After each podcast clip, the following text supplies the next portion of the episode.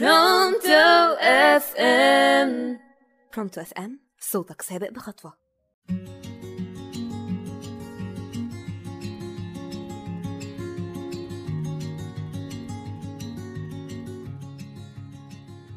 في برنامجنا هنركب ال monorail وهنلف شوارع وميادين مصر وفي كل مرة هنقف في شارع أو ميدان هنسأل عن اسمه وهنعرف حكايته.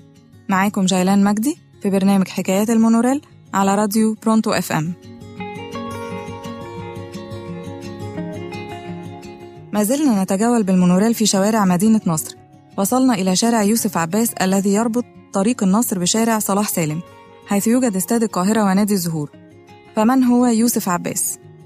يوسف عباس بطل من أبطال وزارة الداخلية المصرية وقت العدوان الثلاثي على مصر عام 1956 كثيرون يعلمون أنه أحد أهم شوارع مدينة نصر ولكن الأمر لا يتوقف على تسمية شارع ولكنه يتعلق ببطولة مصرية خالصة. تم تخليد اسم صاحبها دون أن يعلم كثيرون حقيقة القصة أو تاريخها. كان الضابط يوسف عباس يحمل رتبة مقدم وعمل مأمورا لسجن أبو زعبل حتى عام 1956 في الوقت الذي كان فيه العدوان الثلاثي يستعد لتوجيه قواته المعادية إلى مصر لتدمير مؤسستها دخل العدو الصهيوني بطائراته لتدمير محطة إرسال الإذاعة الرئيسية في أبو زعبل. كانت المحطة وقتها تبث نشيد الله أكبر. في برنامج ما يطلبه المستمعون. فقام العدو بقصف الإذاعة وسجن أبو زعبل. كانت أمام المقدم يوسف عباس مأمور السجن فرصة ليهرب من القصف لكنه رفض وأصر على تأمين السجن وأشرف على خروج المساجين في ظل توالي الغارات. فقام بإخراجهم لأن وجودهم يعني موتهم. أصابت الضابط الشجاع إحدى القذائف واستشهد بعد نقله إلى المستشفى. وبعد استشهاده أطلقت الدولة اسمه على أحد شوارع مدينة نصر كي يتم تخليد اسمه على أحد أهم شوارع القاهرة شارع يوسف عباس.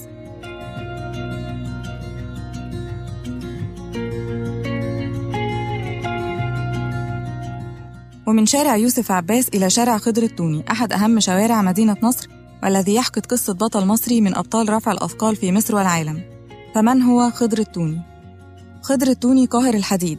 سجل اسمه بحروف من نور في الدورات الأولمبية بطل مصر والعالم في رفع الأثقال. ولد خضر التوني في عام 1916 في حي شبرا بالقاهرة وعشق الرياضة منذ الصغر. انضم إلى نادي شبرا عام 1934 ثم حصل على بطولة مصر في رفع الأثقال. شارك خضر التوني في دورة الألعاب الأولمبية ببرلين عام 1936 وكان عمره 19 عام. وقد حقق انتصارا فذا على بطل ألمانيا في هذه الدورة وحصل على الميدالية الذهبية في وزن المتوسط بعد أن حطم الرقم القياسي الأولمبي ثلاث مرات. وبلغ مجموع رفعاته في هذه الدورة 387.5 كيلو جرام وكان زعيم النازي هتلر يعول آمالا كبيرة على فوز اللاعب الألماني لإثبات تفوق الجنس الآري.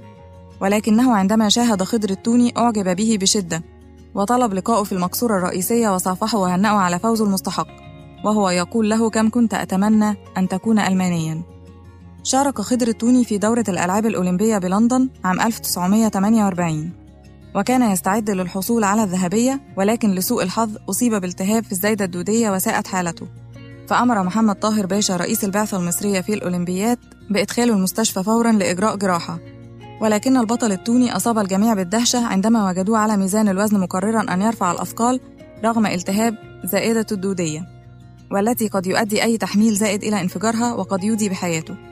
وحصل التوني على المركز الرابع وسط دهشة الحاضرين. كما فاز خضر التوني في عام 1949 ببطولة العالم ثم بطولة العالم في الوزن المتوسط في عام 1950 وقد زاعت شهرة التوني في العالم كله وأطلقت عليه الصحف العالمية ألقاب بطل أبطال رفع الأثقال وأقوى رجل في العالم والبطل الذي لا يقهر. وأطلق اسم خضر التوني على أحد شوارع القرية الأولمبية في ميونخ تكريما واعترافا بإنجازاته كما أطلق اسمه على شارع بالقاهرة وشارع بالإسكندرية.